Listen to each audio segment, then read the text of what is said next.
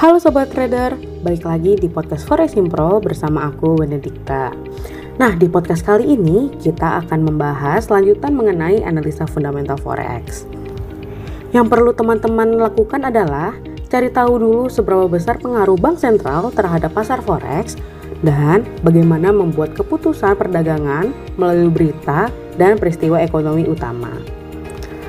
Salah satu faktor utama penggerak pasar forex adalah kebijakan dari bank sentral utama. Peran bank sentral. Bagian ini menggali peran penting bank sentral di pasar keuangan. Pelajari mengenai bagaimana di mana seperti Federal Reserve, European Central Bank, dan Bank of England mempengaruhi harga mata uang dan keputusan untuk melakukan perdagangan. Bagaimana bank sentral mempengaruhi pasar forex? Peran bank sentral di pasar forex. Bank sentral memiliki peran utama bertanggung jawab atas menjaga inflasi demi kepentingan pertumbuhan ekonomi yang berkelanjutan serta berkontribusi menjaga stabilitas sistem keuangan secara keseluruhan. Ketika bank sentral menganggap perlu bertindak, mereka akan melakukan intervensi di pasar keuangan sejalan dengan kerangka kebijakan moneter yang ditetapkan. Penerapan kebijakan tersebut sangat dipantau dan diantisipasi oleh para pelaku pasar yang ingin memanfaatkan pergerakan mata uang yang dihasilkan. Artikel ini berfokus pada peran bank sentral utama dan bagaimana kebijakan mereka mempengaruhi pasar keuangan global. Apakah bank sentral itu? Bank sentral adalah lembaga independen yang digunakan oleh negara-negara di seluruh dunia untuk membantu mengelola industri perbankan komersial mereka menetapkan suku bunga bank sentral, dan meningkatkan stabilitas keuangan di seluruh negara. Bank sentral juga melakukan intervensi di pasar keuangan dengan memanfaatkan hal-hal berikut. Pertama, operasi pasar terbuka atau sering disebut dengan OPT. Menggambarkan proses di mana pemerintah membeli dan menjual sekuritas pemerintahan, biasa juga disebut dengan obligasi di pasar terbuka dengan tujuan memperluas atau mengontrak jumlah uang di sistem perbankan. Kedua, suku bunga bank sentral.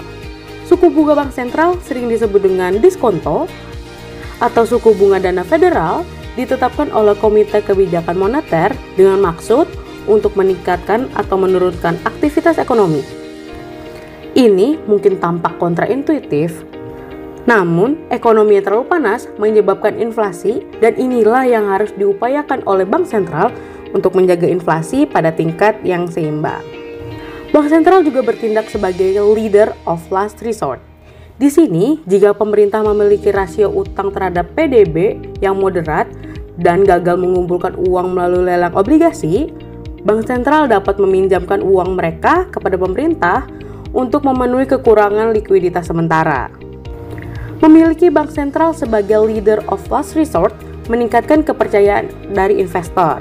Investor lebih tenang karena mereka merasa pemerintah akan memenuhi kewajiban hutang dan ini berarti menurunkan biaya pinjaman pemerintah.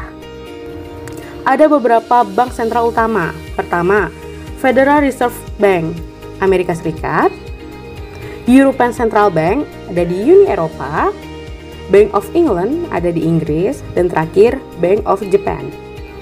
Bagaimana bank sentral mempengaruhi pasar forex? Para trader kerap mencerna bahasa yang digunakan oleh ketua bank sentral untuk mencari petunjuk apakah bank sentral kemungkinan akan menaikkan atau menurunkan suku bunga. Bahasa yang ditafsirkan apakah menunjukkan kenaikan atau penurunan suku bunga atau yang disebut sebagai hawkish atau dovish.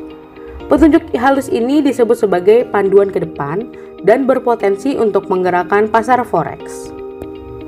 Para trader yang yakin jika bank sentral akan memulai siklus kenaikan suku bunga akan melakukan posisi panjang terhadap mata uang terkait.